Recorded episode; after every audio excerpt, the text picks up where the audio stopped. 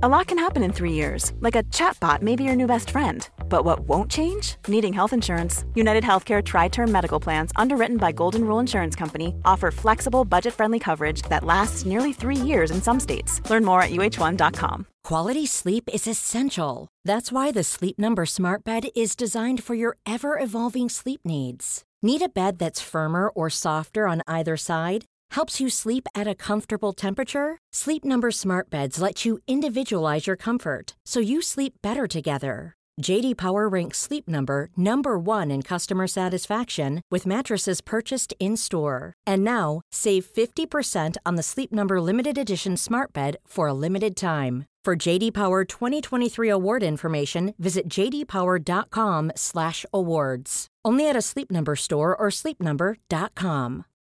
Millions of people have lost weight with personalized plans from Noom, like Evan, who can't stand salads and still lost 50 pounds. Salads, generally, for most people, are the easy button, right? For me, that wasn't an option. I never really was a salad guy. That's just not who I am. But Noom worked for me. Get your personalized plan today at Noom.com. Real Noom user compensated to provide their story. In four weeks, the typical Noom user can expect to lose one to two pounds per week. Individual results may vary.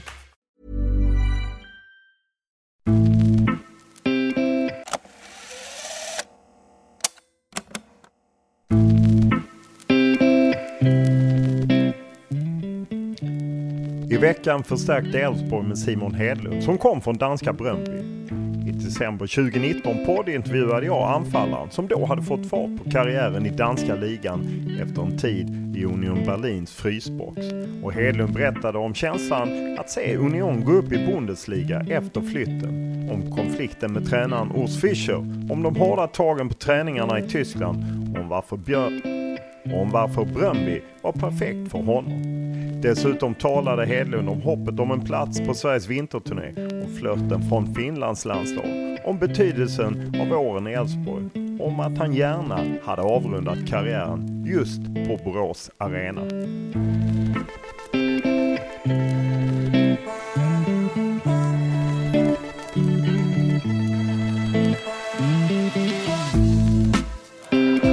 Nilsson på nytt. Claesson till Lasse Nilsson som får läget här. Hedlund! Och här kommer tvåan för Elfsborg.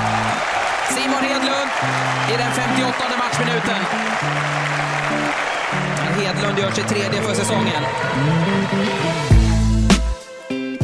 De flesta minns nog Simon Hedlund som Elfsborgs vinstsnabbe ytter som efter några starka säsonger i Borås flyttade till Union Berlin i en stor affär. Då i tyska andra ligan. Men medan Union Berlin i somras klev upp i Bundesliga så hade Simon Hedlund hamnat i frysboxen innan det och flyttlasset hade gått till danska Bröndby. Där han faktiskt gått en ny vår till mötes som forward. I den här intervjun berättar han om islossningen som inneburit 10 poäng hittills för den danska storklubben. Men även varför det skar sig med den tyske tränaren Urs Fischer i Berlin. Det, han var oärlig från första början liksom mot mig och, och sen så sa jag väl jag ifrån och det, det gillade han inte speciellt mycket och då, då blev det läktare. Det var i stort sett det hela att ja, han, eh, han kunde inte ta det som, som en man riktigt. Och Simon Hedlund bjuder på en målande bild av den tuffa tyska miljön. Där bonussystem som innebär att om man startar så får man mer betalt spär på en redan stenhård rivalitet mellan lagkamraterna. Jag kommer ihåg att det var någon träning där folk gick in för att skada spelare. Eh, så var det absolut. Ehm, speciellt om man konkurrerar mot, eh, när det var så här possession-spel och sånt där. Då, då smällde allt på dem eh, som man konkurrerar mot. Så, men det kunde ju vara 30 000 per poäng liksom. Och vi diskuterar läget i hans gamla klubb Elfsborg där han var med och tog SM-guld. Nu känns Boråslaget långt från den allsvenska toppen. Och Hedlund är kritisk till hur man hanterade Kevin Stor Ellegards avsked från klubben. Elfsborg har varit ganska dåliga på att tacka av alla spelare i, i väldigt många år. Eh, så det är, istället för att bara vara raka och ärliga och säga till honom att nej, det blir ingenting så, så drar de ut på det på sista sekunden och sen så drar de tillbaka det och det, det är klart det är, det är fruktansvärt dåligt om det är så. Utöver detta pratar vi om Hedlunds förhoppningar om att använda tiden i Bröndby som en språngbräda tillbaka ut i Europa. Om huruvida han får chansen att visa upp sig för landslagsledningen under januariturnén eller om det möjligtvis finns en lucka för honom i det finska landslag som är klart för EM. Men vi inleder podden som vanligt med en faktaruta.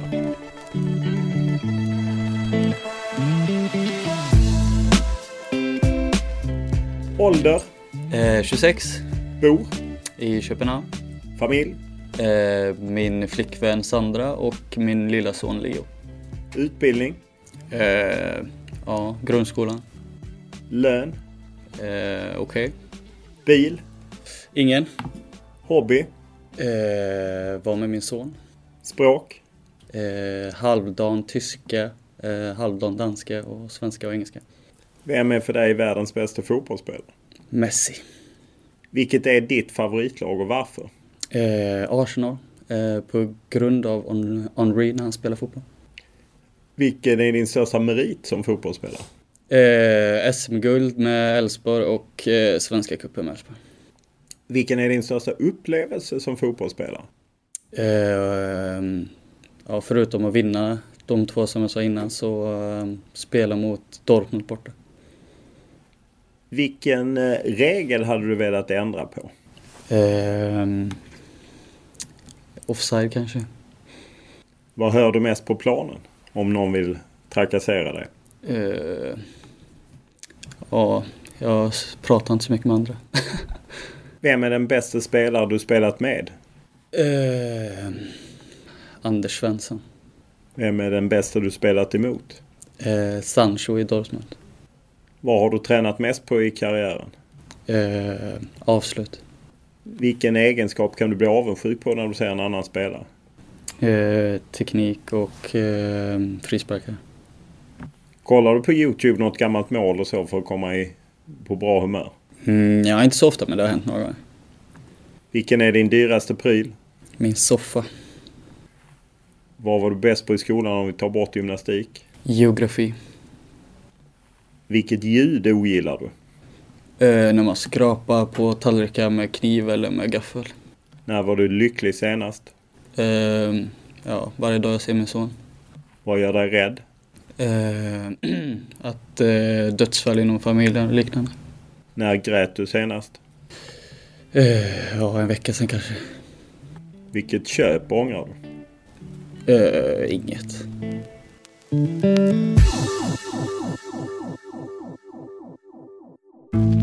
Brøndby. Ja, det henter der kommer ind i feltet. Kan han komme forbi her, så kan han få afsluttet. Det kan han, og Brøndby får med 1-0 her.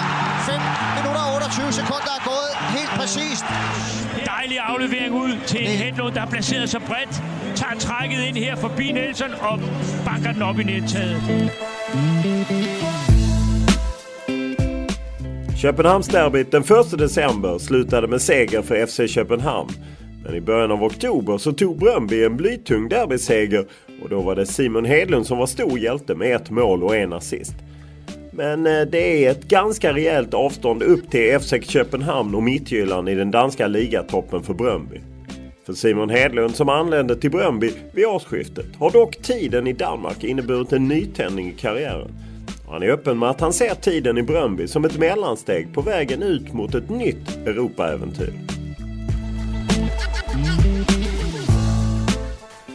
Ja, vi sitter ju här i Köpenhamn där du numera spelar för Bröndby och det går ju bra. Du gör mål och skapar straffar och assist. Vad är det som har lossnat?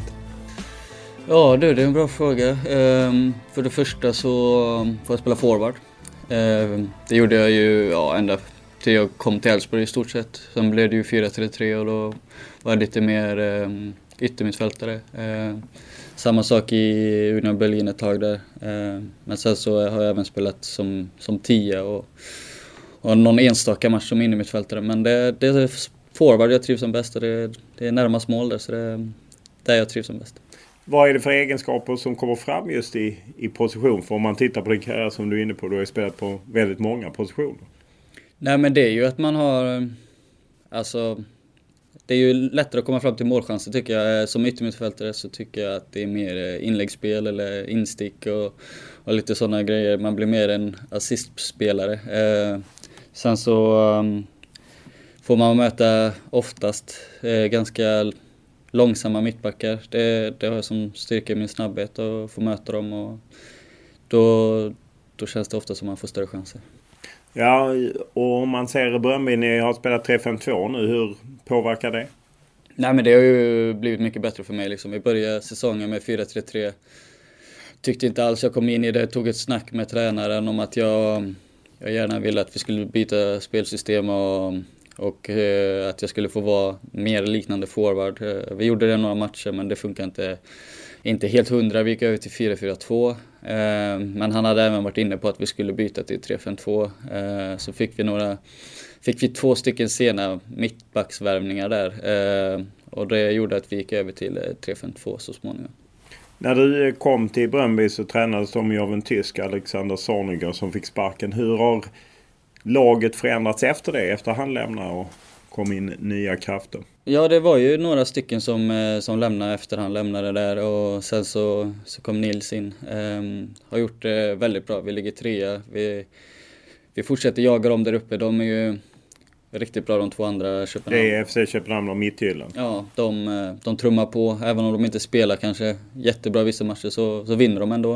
Eh, och när vi gör bra matcher så kan vi även förlora liksom. Så det, de, är, de är starka där uppe och det gäller bara att försöka göra det så bra som möjligt. Och tycker att eh, han har gjort bra. Eh, han fick många spelare som var där under Sorninges tid. Ehm, som inte kanske riktigt passade in i hans spelsystem från början. Och, eh, men han har, han har ändrat lite nu på slutet och nu har vi fyra raka vinster så det, det är positivt.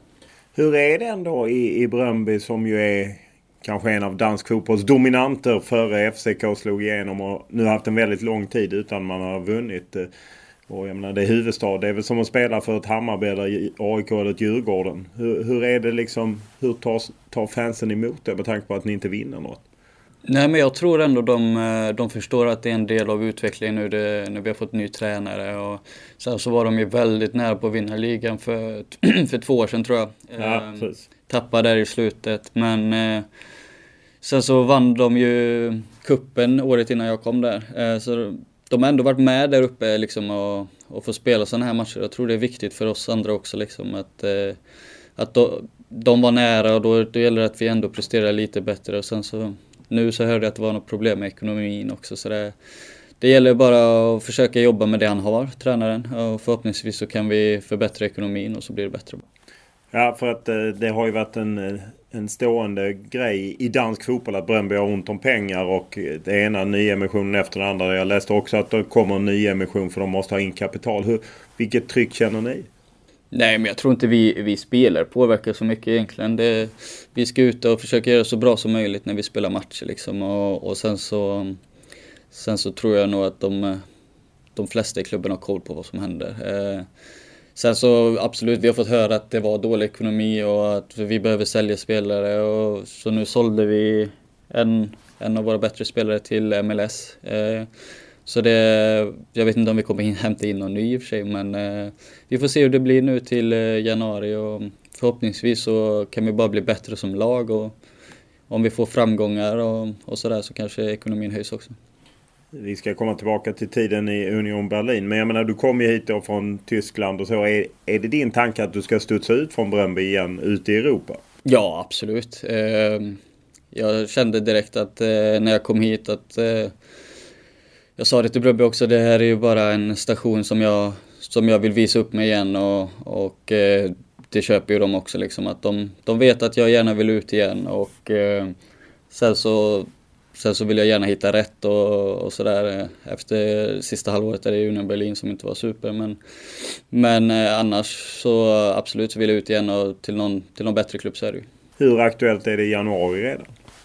Ja, det var ju klubbar redan efter halva säsongen här nu som var intresserade och sådär men det Alltså som jag har sagt till min agent också att det, är det inget konkret så vill jag inte veta liksom. Eh, eh, om det blir konkret då då kan vi ta det då, men jag trivs ju väldigt bra här. Ehm, eh, bra lagkamrater, bra klubb och, och familjen trivs här så det är det viktigaste.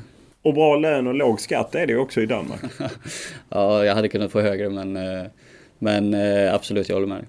Hur trivs du just i Köpenhamn som stad? Jo men det är bra. Ehm, det finns mycket att göra. Ehm, sen så självklart saknar jag Berlin, var en fantastisk stad. Både jag och min flickvän saknar ju Berlin men Köpenhamn, det är inte dåligt det heller. Ehm, det sägs ju att det är en av världens bästa städer så det, det finns inte så mycket att klaga på förutom att det är kallt som fasen ibland. Och du har inte bil så du cyklar som dansk tradition, eller? Nej, nej, nej. nej. Jag, åker, jag åker med lagkamrat. Men om man, eh, om man tar eh, fotbollen i Danmark, jag menar du har ju några år i Allsvenskan. Hur står sig danska ligan? Jag tycker den är bra faktiskt. Sen så, det är svårt att jämföra sådär tycker jag. Men eh, alltså, det är ju mer duellspel här. Eh, det är två lag som har konstgräs eh, i hela ligan och konstgräs det är, en, det är en annan fotboll. Det måste jag säga. Eh, det blir mer dueller och mer, eh, mer fysiskt spel i, i matcherna när det inte är konstgräs eh, kontra konstgräs. Då. Eh, sen så tycker jag att ändå att Allsvenskan börjar, börjar bli riktigt bra. Intress eh, intressant. Eh, många topplag som, som presterar bra så det, det är väldigt kul att kolla på. Men just om man eh, tänker sig eh, liksom inramningen så är ju visst FC Köpenhamn och ni har ju bra inramning men annars är det ju inte som i Sverige, eller? Nej, vi, vi har ju alltid fullsatt hemma som borta i stort sett. Eh, Ja, för ni är lite som Danmarks lag. Ja. Eh, lite som Blåvitt var en gång i tiden. Ja, exakt. Alltså, det är ju mest supportrar till eh, Bröndby över hela, över hela Danmark. Och det är ju det stora laget här. Eh, även om kanske FCK har, har fått mer och mer nu på slutet när de vinner titlar och sådär. Men eh, i det stora hela så, så, så, är det absolut så. Jag tycker Sverige ändå drar mycket publik. Speciellt eh, Stockholmslagen har ju gått riktigt bra denna säsongen. Eh, Malmö alltid bra. Eh. Men har ni, är det något tryck liksom när ni spelar i Randers eller alltså? Ja, jag har spelat det en gång bara i och för sig. Men eh, då var det, då var, man hör ju bara våra fans. Eh, så är det. Eh, så det, den största matchen jag spelat, det var ju mot, det är mot FCK. Så är det ju. Det är ju det är den matchen som är extra tryck på, så är det ju alltid.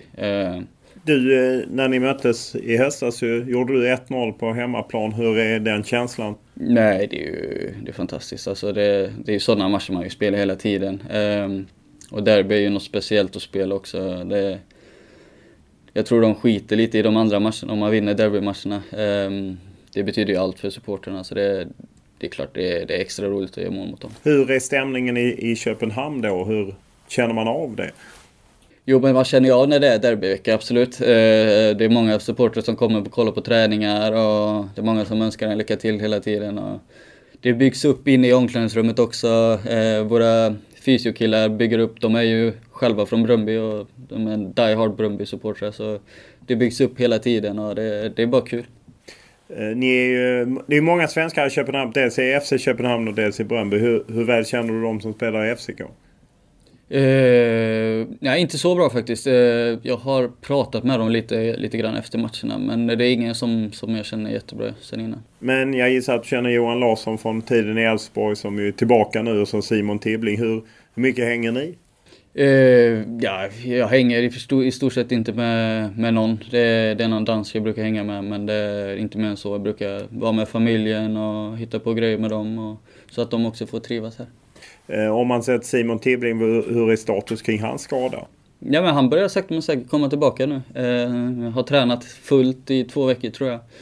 Eh, så det, det börjar gå framåt. Eh, det var en, jag tror det var ett, ett, fo, eller ett, fot, ett ben i foten som, som spökade lite för honom. Eh, så nu är han på väg tillbaka det, det, är kul. Och Johan Larsson som ju tog ett franskt äventyr är också tillbaka. Hur, hur mycket är han med i laget? Han spelar inte hela tiden som han gjorde tidigare. Nej, det har gått lite in och ut för honom. Um, speciellt nu när vi, vi hade de tuggperioder och då spelade Johan och så, så bytte de ut honom och så började vi vinna lite och då, då han fått spela mindre. Och det, det är självklart tråkigt för honom men um, så är det i fotbollsvärlden. Det, ibland, så, ibland spelar man och ibland inte. Just att ni gick ju till cupfinal och eh, men förlorade den. Ändå känslan att, att inte nå hela vägen fram till pokalerna. Ja, det, det, var en riktigt, det var en riktigt tråkig match. Vi förlorade på straffar där. Ehm, vi hade gärna velat vinna. Eh, då hade vi varit säkra mm, Europaplats, men eh, vi klarade det ändå. Eh, vi var tvungna att vinna alla matcher som var kvar det gjorde vi. Så vi fick Europaplatsen, men där åkte vi ganska klart ut mot Braga tyvärr. Ja, och hur, hur tar man det liksom i Europa? För det blir ju att de andra lagen springer ifrån ekonomiskt. jo men så är det ju. FCK är ju med varje år känns det som och även om inte Midtjylland klarar det detta året, de är också där och ligger där och försöker komma in liksom. Och sen så hade vi jäkligt svår lottning. Eh, Braga som är riktigt bra, jag tror de leder sin grupp i Europa League till och med. Eh, eh, tyckte vi gjorde en bra match hemma. Förlorade med 4-2, vi gjorde många individuella misstag och det, det är det som gör att vi förlorar de här matcherna skulle jag säga. Eh, individuella misstag gör ju att kanske här i, i ligan så ehm, så gör de inte mål och sen, men ute i Europa där, där smäller det direkt liksom. Och tyvärr så, så förlorar vi för mycket på hemmaplan för att ta igen det på bortaplan. Om du jämför kvaliteten som du upplever nu på danska ligan jämfört med den svenska. I Sverige har vi ju 16 lag i ligan. Här är det färre och man möter varandra tre gånger. Skulle du säga att det är en bra väg att gå? Ja, de har ju börjat med slutspel här nu. Det, det tycker jag är ganska bra. Ehm, eh, men man kommer in med samma poäng som man har innan liksom. Och det, det, tycker jag är riktigt bra. Eh, då får man möta de här topplagen igen och då blir det spännande matcher hela tiden. Eh, jag tror det är topp 6 som möter varandra eh, två gånger igen sen och det tycker jag är riktigt roligt och, och speciellt då eh, att det blir fler derby mot Köpenhamn och det lockar mer, mer åskådare och sådär. Hur svårt var det när du skulle ta klivet tillbaka då från Union Berlin? Jag menar, du kanske kunde gått hem till Elfsborg och liknande. Varför fastnade du för Bröndby? Nej men jag fastnade för... Um, de ville ha mig i, eh, sommaren innan där redan. Um, och då visste jag att det, det, var någonting som, som bara kändes helt rätt. Uh, jag pratade med tränaren och sportchefen och båda ville ha mig jättemycket. Och sen, så, sen så sa de att de var tvungna att sälja en spelare men uh, det blev aldrig så, jag kom dit ändå. Uh, och sen så var det ju även uh, på gång med Ingolstadt, min gamla tränare som jag hade i Berlin. Så det var de två som stod och vägde lite. Och, men det kändes rätt när jag pratade med tränaren här och, och sportchefen. Och sen så Köpenhamn är en bra stad också. Men är inte andra ligan i Tyskland en bättre väg om man vill kanske upp i första ligan eller vidare än att spela i ett danskt lag? Jo, så kan det absolut vara. Men jag kände mer att eh, här får jag ändå spela Europamatcher och visa upp mig. Eh, förhoppningsvis, då, vi, då låg jag trea, fyra där när jag kom. Um, och uh, nej, men jag tyckte ändå Bröndby är en stor klubb i Skandinavien, många som kommer hit och kollar på Bröndby. Uh, Ingolstadt låg i botten i andra Bundesliga. Um, de åkte ju ner till tredje ligan. Um, så jag kände ändå att antingen gå till ett bottenlag i andra ligan och göra det bra där. Absolut, det är en bra väg att gå också om man gör det bra.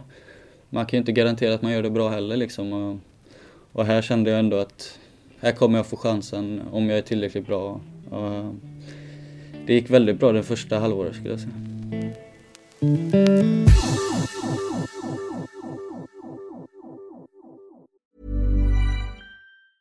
Many of us have those stubborn pounds that seem impossible to lose, no matter how good we eat or how hard we work out. My solution is PlushCare.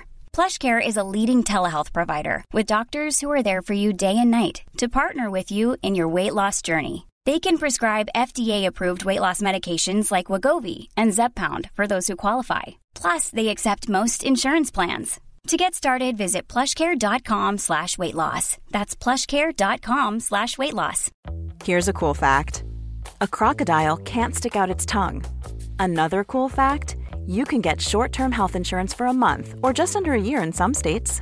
United Healthcare short term insurance plans are designed for people who are between jobs, coming off their parents' plan, or turning a side hustle into a full time gig.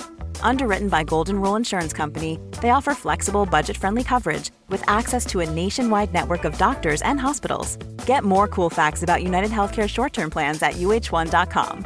Quality sleep is essential. That's why the Sleep Number Smart Bed is designed for your ever evolving sleep needs. Need a bed that's firmer or softer on either side? Helps you sleep at a comfortable temperature? Sleep Number smart beds let you individualize your comfort so you sleep better together. JD Power ranks Sleep Number number 1 in customer satisfaction with mattresses purchased in-store. And now, save 50% on the Sleep Number limited edition smart bed for a limited time. For JD Power 2023 award information, visit jdpower.com/awards. Only at a Sleep Number store or sleepnumber.com.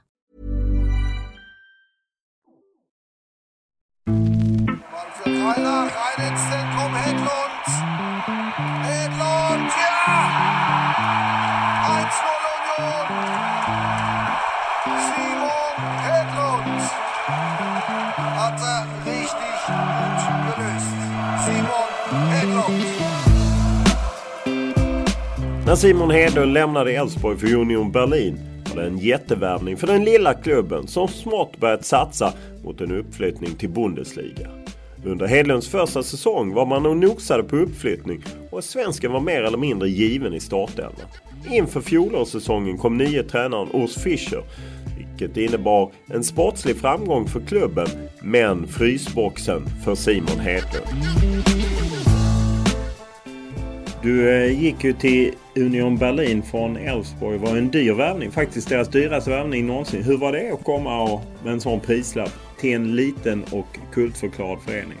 Nej men det var speciellt, eh, absolut. Eh, sen så tror jag, jag tänker inte så mycket på sådana här transfersummor och sånt där utan det jag kände att jag hade gjort det bra i Sverige och, och Elfsborg fick bra pengar för det och det, det var jag väldigt glad över liksom. Och sen så, så brukar Andreasson skoja, han sa alltid att ja, vi ska ha minst 50 miljoner och sådär men det, han, är, han är som han är Andreasson. Men, eh, men i det stora hela, jag tror inte jag tänkte på det så mycket. Eh, kom dit, eh, tyvärr blev jag skadad direkt när jag kom och det var, förstörde nog lite av eh, de första, de första två, tre månaderna tror jag. Vad visste du om klubben innan?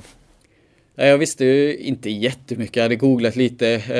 Jag såg några matcher med dem innan jag skrev på. Ehm, sen så även Erik Sjölander som är en stor Union Berlin-supporter snackade jag lite med. Och han är från Borås och... Han som har skrivit i Offside också om Union Berlin. Ja exakt och han vet ju det mesta om dem och sådär. Han sa att det är en väldigt fin klubb som, som all, ja, supporterna har aldrig buat utan de alltid hyllar och sådär. Så det, då kände man ju inte någon jättepress egentligen att, att leverera och det, det tror jag jag tyckte var skönt faktiskt.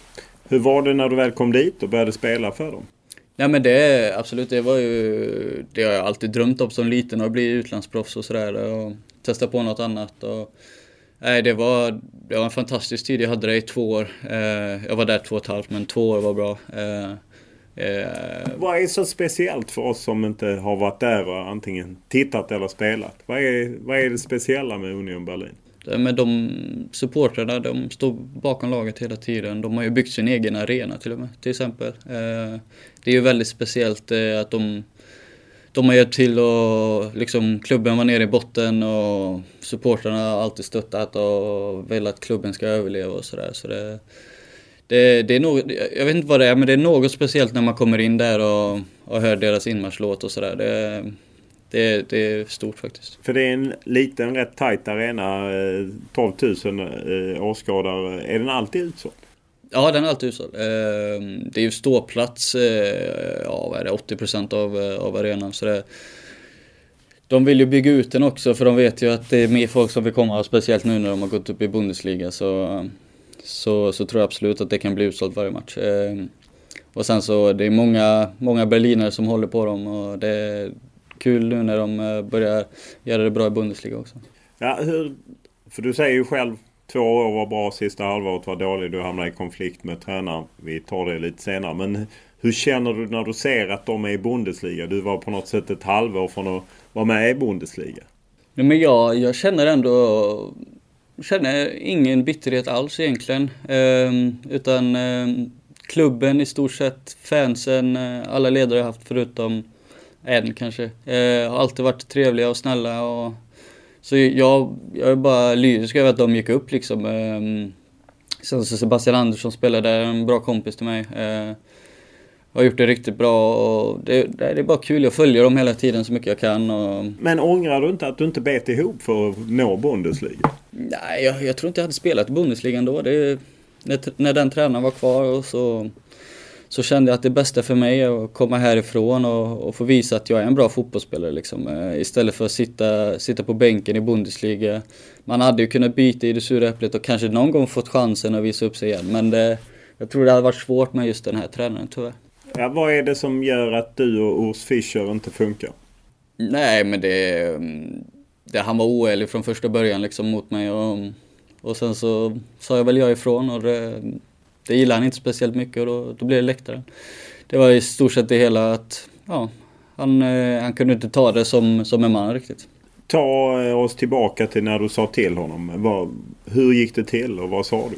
Nej, men det var mer att eh, han sa att, eh, att jag skulle vara en startande spelare, att jag skulle vara en, eh, en, en i laget liksom. Och, men sen så, så visade det sig att han, han var oärlig, han sa inte som det var istället. Hade han sagt direkt som det var så hade jag kunnat byta klubb. Jag hade kunnat göra jag hade några klubbar efter mig där och, vi frågade inom Berlin och de sa nej, vi kommer inte släppa dig och, och sådana grejer. Och tänkte okej, okay, ja men eh, sportchefen sa samma sak. Eh, du kommer vara en, eh, en bärande spelare för det här laget och tänkte okej, okay, ja det låter jättebra. Om de inte vill släppa mig så ska jag ändå vara en bärande spelare här. Men eh, sen ju längre det gick, eh, jag startade kanske fem matcher, eh, gjorde det absolut inte sämre än någon annan, var inte bäst heller men var bättre medel tyckte jag. Eh, men sen så började det sakta men säkert komma på bänken och sen så helt plötsligt så tog han bort mig direkt från, eh, från hela truppen. Och, och då, då frågade han varför och då sa han att jag hade tränat dåligt och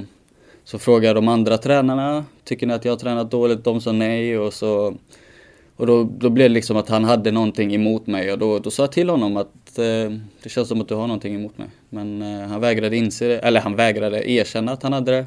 Men han erkände det för mig sen när jag gick till Brumby.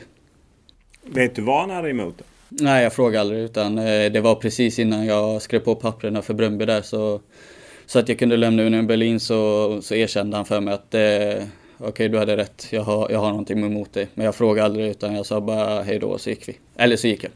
Eh, om man... Eh, för jag förstår att man blir besviken på en tränare, Men finns det någonting du kunde själv gjort annorlunda?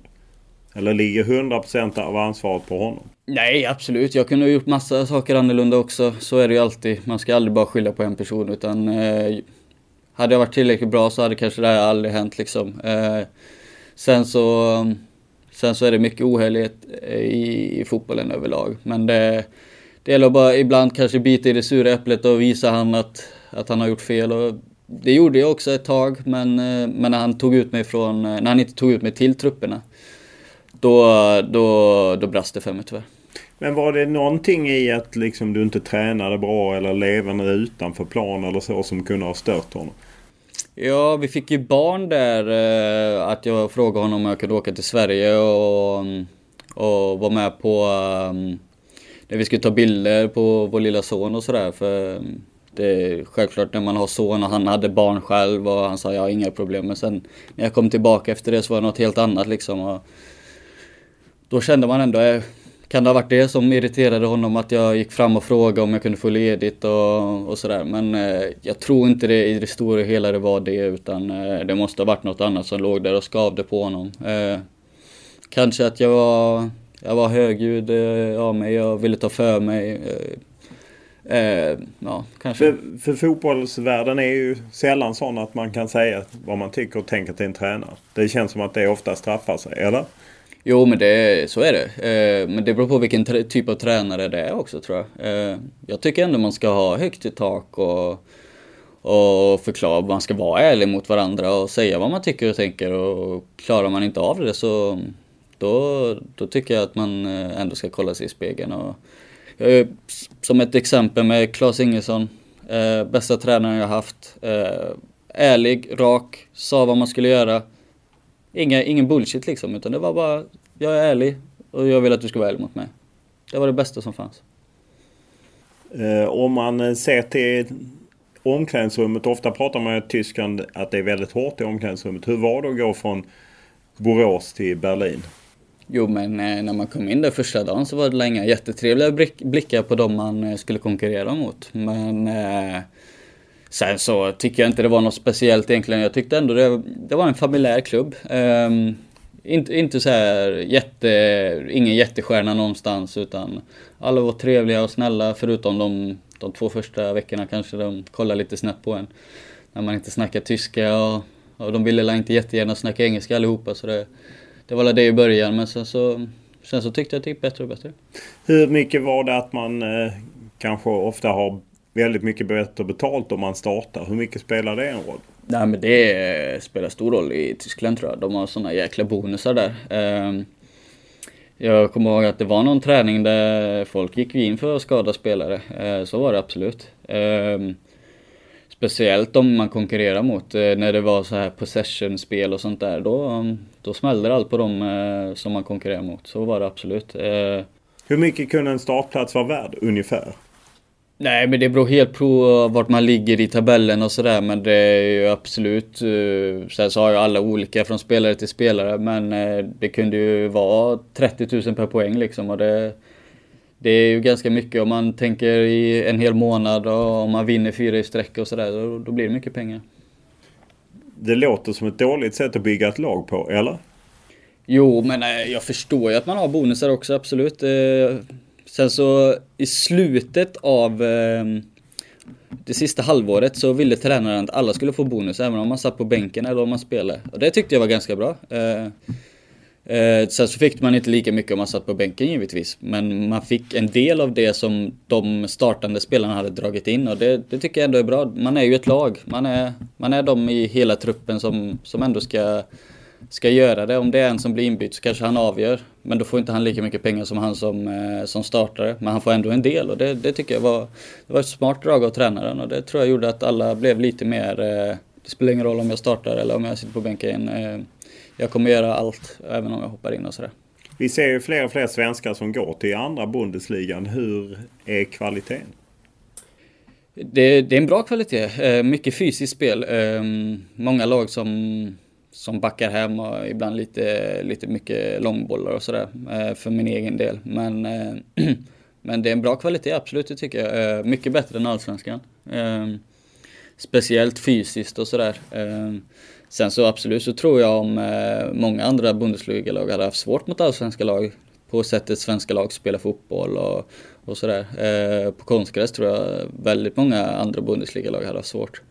Eh, men sen så tror jag även att allsvenska lag hade haft svårt när de möter dem på gräs och det är dueller och det, det är nickdueller och det är ja, eh, hörnor framförallt. Det, det var väldigt speciellt inne. Det var mycket trä, träning på hörnor och sånt där. Hur är inramningen? Nej men den, den är grym. Eh, tyska fans överlag eh, är riktigt bra. Alltid när vi spelar i, i kuppen i Tyskland till exempel så mm, det spelar ingen roll om man mötte ett eh, division 4-lag eller om man mötte ett Bundesliga-lag. Det var vi fullsatt överallt och god stämning och så nej det är bland de bättre jag varit med om faktiskt. Hur nära kontakt har man med supportrarna? Ja men det, vi, jag tyckte ändå vi hade ganska nära kontakt med våra supportrar i Union Berlin. Ehm, efter varje match och sådär så gick vi och pratade med Ultras eller de som som eh, verkligen brinner för klubben och som står där varje match även om det är hemma eller borta. Och då jag kommer ihåg vi, vi låg ganska dåligt till en gång och de kom in och förklarade liksom för hela spelargruppen. De hade pratat med tränaren och så fick de gå in och sådär så förklarar de att eh, det betyder så mycket för oss. Även om det inte betyder lika mycket för er så kan ni, skulle vara snälla om ni kunde göra att, eh, att vi stannar kvar i andra Bundesliga liksom för oss och vi dör för det här liksom. Och då vet man ändå att det betyder otroligt mycket för dem. Men de var då aldrig i sin tradition, aldrig liksom buande eller aggressiva? Nej, det stämmer. Eh, de sa det på, på ett snällt sätt liksom och att vi skulle få veta att Nej, men så här är det och jag hoppas att ni accepterar det. Och, och speciellt när vi vann, eller förlorade mot eh, Stuttgart borta med 3-0.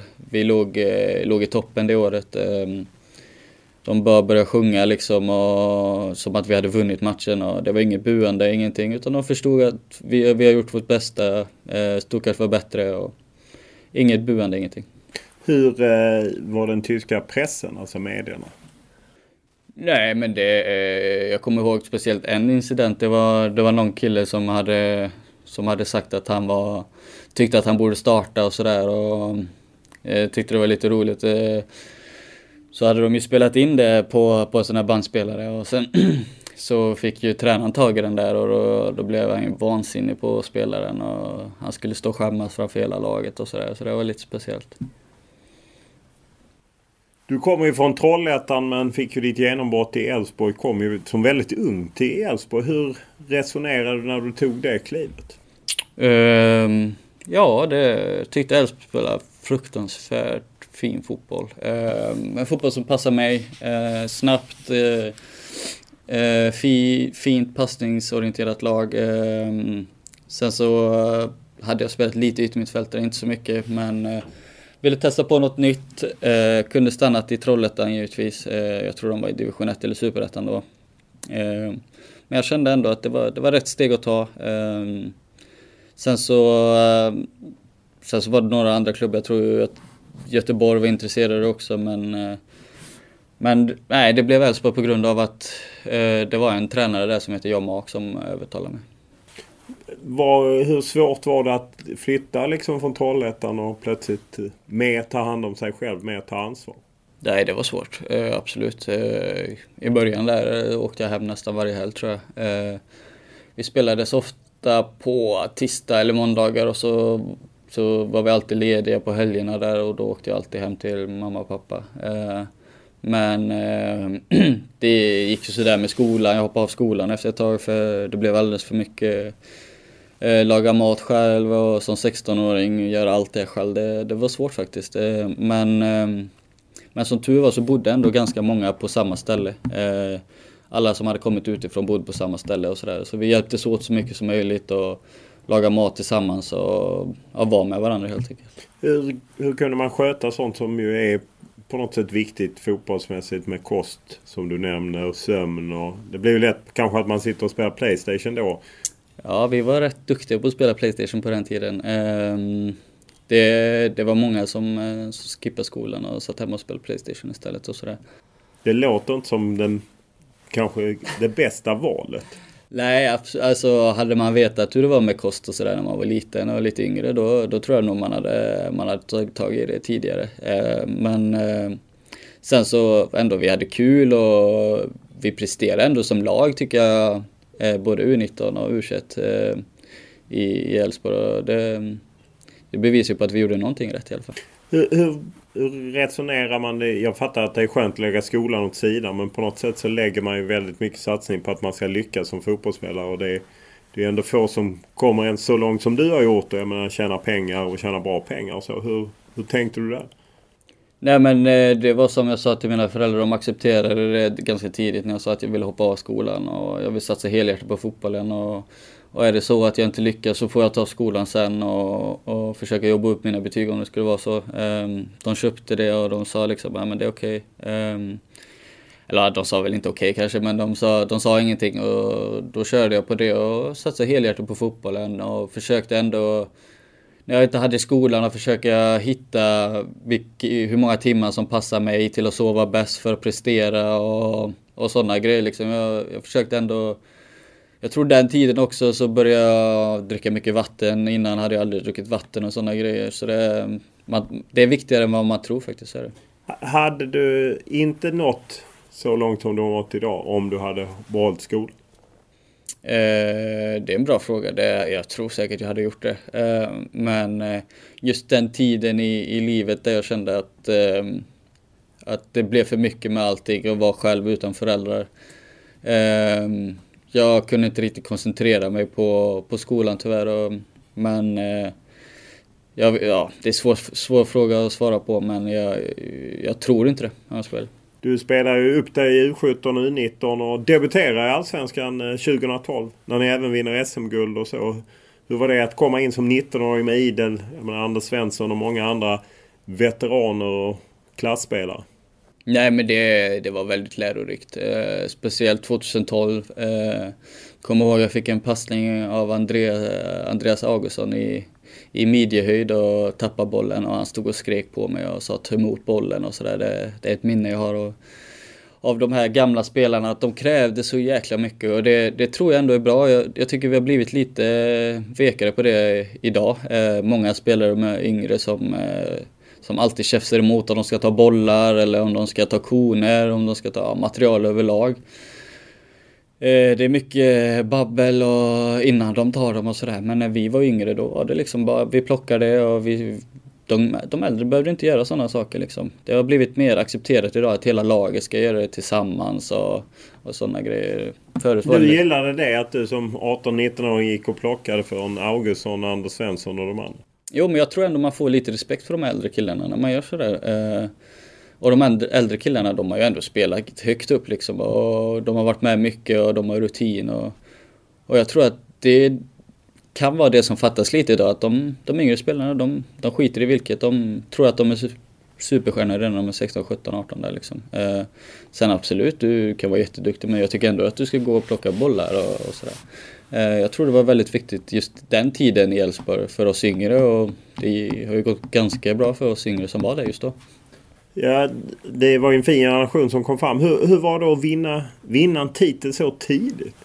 Nej, jag kände mig inte jätte, jätte delaktig i det eh, om jag ska vara ärlig. Men eh, de gjorde en jäkligt bra halvsäsong innan jag kom upp där och, och, och ledde allsvenskan. Och sen så tyckte jag ändå vi var nära på att tappa det i slutet där. Men, eh, men vi löste det och det, det, var, det var speciellt. Eh, jag, som sagt, jag kände mig inte så delaktig men eh, men det var ändå kul att vinna någonting och man kunde se på de äldre grabbarna hur, hur mycket det betyder för dem. De har kämpat en hel säsong och då blir man ju också sugen på att när man väl får chansen att bli en, eh, en spelare som, som startar hela tiden och är viktig för laget, liksom, att då vill jag också vara den som, som vinner det där.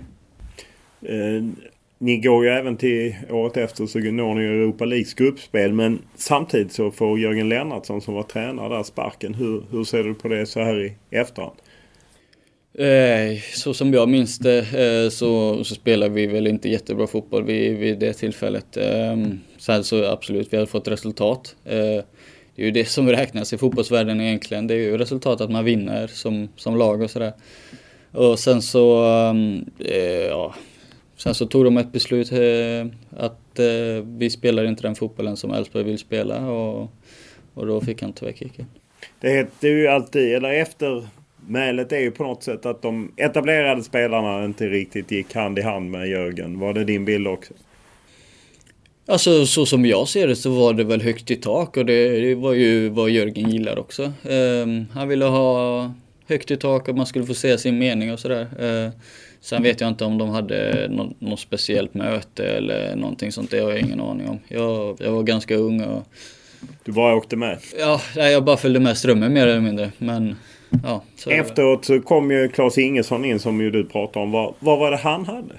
Eh, ja, han hade väl allt egentligen tycker jag. Eh, när, när det kommer in en tränare som ändå spelat på så hög nivå som han har gjort. Eh, varit så bra som han var. Eh, sen kommer in och säger liksom, jag skiter i vilka ni är.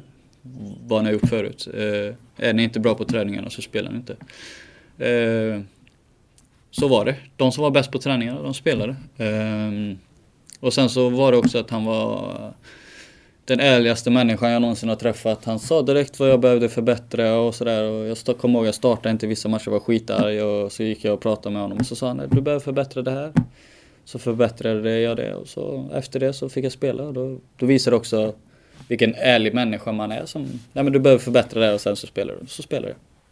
Tyvärr fick han inte fortsätta. Hur var den tiden eh, när han gick bort? Och det, det kändes ju som att naturligtvis klubben blev väldigt drabbad också. Att man sörjde denna ledare. Jo, men så var det. Eh, så som han var som ledare var han som, som människa också. Han var helt fantastisk. Man kunde prata med honom om allting, om man hade problem hemma eller om man bara ville, bara ville prata skit med honom så kunde man göra det också det, det var en stor förlust för Elfsborg och, och, jag tror att än idag, om han hade fått fortsätta vara tränare så, så tror jag Elfsborg hade, hade blivit ännu bättre tyvärr. Ja, för att eh, man halkar ju in på det att det har ju gått lite tungt de senaste. Hur nära följer du det? Eh, ja, jag försöker se varje match eh, så mycket som möjligt och sådär. Men det, det är mycket, många gånger det krockar och jag har annat att göra. Men jag följer alltid med på, på livescore och sådär. Så ser, ser hur det går för dem. Och, eh, men de gjorde väl ett okej okay år i år tyckte jag. Eh, om man jämför med förra året. Eh, fått igång några spelare som ser väldigt intressant ut. Jesper Karlsson till exempel. Eh, Tränar aldrig med honom, han kom efter mig men jag har hört att det är en riktigt stor talang. Så det är, det är kul att han tar för sig och, och får börja visa Sverige hur bra han är egentligen. Hur eh, smärtsamt har det varit de här åren när det har gått dåligt? Nej men så är det ju alltid. Ibland går det bra, ibland går det dåligt för fotbollsklubbar och sen så tror jag Tillin fick ta över väldigt många som inte var hans spelare och sådär. Eh, nu har han fått in lite mer som är hans spelare som vi spelar det sättet han spelar fotboll och det tar lite tid och så är det alltid, vilken tränare man än har. Eh, man har inte så mycket pengar att man bara kan köpa in, eh, säg tio stycken spelare som passar honom och sådär. Så det, det gäller att de eh, ja, jag tycker att nu på slutet har det blivit mycket bättre och de börjar få tillbaka lite av publiken och förhoppningsvis kan det komma att bli ännu bättre. Du har ju spelat med Kevin Sturr Ellegard. Hur känner du kring det avsked eller icke avsked som det blev? Ja, det är tråkigt såklart. Ehm, sen så vet jag inte riktigt vad som hade hänt och jag läste någonting om att han, inte, att han fick ett kontraktsförslag först och sen drog den tillbaka och sådär. Och det är ju bara fruktansvärt dålig kommunikation av Elfsborg i så fall, eh, om det stämmer. Eh, han har ändå spelat där i ja, 8-9 år. Eh, varit lagkapten hälften av tiden i alla fall. Eh, har alltid representerat Elfsborg på ett fint sätt och det, det är så, såklart sjukt tråkigt om det, om det är sant att det... Men har du inte kollat det med? Jag menar du känner ju folk i klubben på olika plan. Nej, jag, jag har inte lagt så mycket energi på det faktiskt. Eh, men eh, alltså, som jag vet innan så, så har det väl alltid varit Elfsborg har varit ganska dåliga på att tacka av alla spelare i, i väldigt många år. Eh, så det är, istället för att bara vara raka och ärliga och säga till honom att nej, det blir ingenting så, så drar de ut på det på sista sekunden och sen så drar de till, tillbaka det och det, det är klart det är, det är fruktansvärt dåligt om det är så. Vilken tanke har du att eventuellt komma tillbaka till Borås och spela fotboll igen? Nej men det har ju alltid varit en tanke, så är det ju. Um, det har, hade det inte löst sig med Bröndby eller med Ingolstadt så hade jag ju gått tillbaka till Elfsborg redan nu i, i vintras. Men, uh, men jag har bra kontakt med Andreasson och vi, vi känner varandra sedan innan. Så det, Klubbchefen Stefan Andreasson. Ja. Uh, och vi vet varför vi har varandra om det skulle vara så att det blir aktuellt någon dag. Du är ju på ett sätt, du går ju starkt här i Bröndby men ändå lite av en dålis blir du ju liksom. Du var med i u landslaget sen har det inte blivit mycket mer. Hur ser du på landslaget idag? Nej, det är, det är många yngre spelare som gör det väldigt bra tycker jag. Eh, han eh, nya killen från, eh, från Parma där som jag inte hade hört innan bara kommer in och levererar i Serie A. Så det, Dejan Kulusevski. Såg att han blev uttagen nu och det, det är kul att, att Janne ändå tar ut de här som ändå har börjat bra i, i sina säsonger och sådär. Så det, är det kul att han får chansen och Alexander Isak går ju som tåget. Varje gång han är med i landslaget tycker jag att han är fruktansvärt duktig och har sett matcher och sådär. Snackade även med Sebastian Andersson där. Eh, och sa att nej, han är ju fruktansvärt bra och sådär. Så det, det är kul att de, de är yngre börjar få chansen också. För att eh, när man kollar lite i arkiven så är det ju dels att eh, du pratade om att eventuellt spela för Finland. Du tog kontakt med, jag gissar att det var Peter Wettergren då när Jimmy Durmaz gick sönder. För du tyckte att du borde bli inkallad. Hur ser du på det idag? Är Finland aktuellt? Eh, nej, eh, överhuvudtaget inte. Och sen eh, så, så blev det så att jag kände att jag hade gjort en bra inledning på andra Bundesliga. Jag hade gjort tre fyra mål tror jag kände att det hade gått hur bra som helst och så, så, kände jag att nej, men det kanske är min chans att få, få vara med i landslaget och visa att man håller på den nivån. Och sen så, så blev det tyvärr Ken Sema och man kan ju inte klandra dem direkt. Han har ju varit hur bra som helst efter det. Och det var ju ett rätt beslut egentligen kan man väl säga. Eh, och det var inte mer med det utan jag pratade med Wettergren och, och det, det, blev inte jag den gången. Och förhoppningsvis kan det bli någon annan gång men det, det är inget jag går och tänker på direkt. Finland, hur, hur mycket lever det? Det var du, du som själv öppnade för din tidningsintervju. Du har din, om det var din mammas sida som kom från Finland och att även Marko Kanava som är förbundskapten var öppen för det. Har, har, du haft någon kontakt med Finland? Ja, vi pratade lite lätt eh, med, Finland och undersökte möjligheten för, för att kunna byta dit. Men det var någon annan svensk som inte heller kunde byta dit om jag minns rätt. Om det var Sundgren eller vad det var. Eh, det var någonting med att man var tvungen att ha ja, dubbla medborgarskap när man var yngre och sådär. Så det sker sig ganska snabbt faktiskt. Ja, så det är helt dött? Det är helt dött. Nu är det fokus på Rönnby och studsa ut och sen eventuellt då ta sig in i landslaget. Ja. Det var ju bra ingångar via Wettergren. Jo, så är det väl. Eh, han vet ju vad jag kan och sådär. Och, och det, det, är ju bara en bonus som man har. Och sen så tror jag absolut om, om jag blir uttagen så hade det varit eh, världens bästa sak liksom just då. Men eh, men det är inget jag går och tänker på. Blir jag uttagen så blir jag uttagen. Men med tanke på hur bra det går i Danmark nu och vinterturnén så skulle ju det vara en möjlighet om Bröndby skulle släppa dig, eller?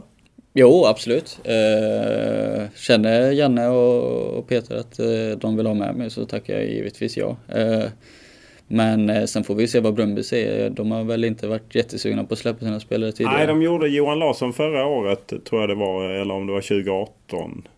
Som de släppte honom just med tanke på VM. Ja, alltså det får man ju ta ett snack med klubben om det blir så också. Ehm, men eh, blir det inte så så mm, det är bara att acceptera och jobba på här hemma. Så är det. Och då är det som anfallare de i så fall ska ta ut dig som? Ja, jag kan spela på båda positionerna. det låter bra. Stort tack för att du ställde upp. Ja, tack själv. Podden är som vanligt producerad av Olle Junell Lindberg och klippt av Daniel Eriksson. Och vi tar gärna emot era synpunkter, tankar, idéer, önskemål eller annat. Det är bara att mejla mig olof.lund.tv4.se eller skriva till mig på Instagram eller Twitter och då är det Olof Lund som gäller i ett ord. Stort tack för den här veckan!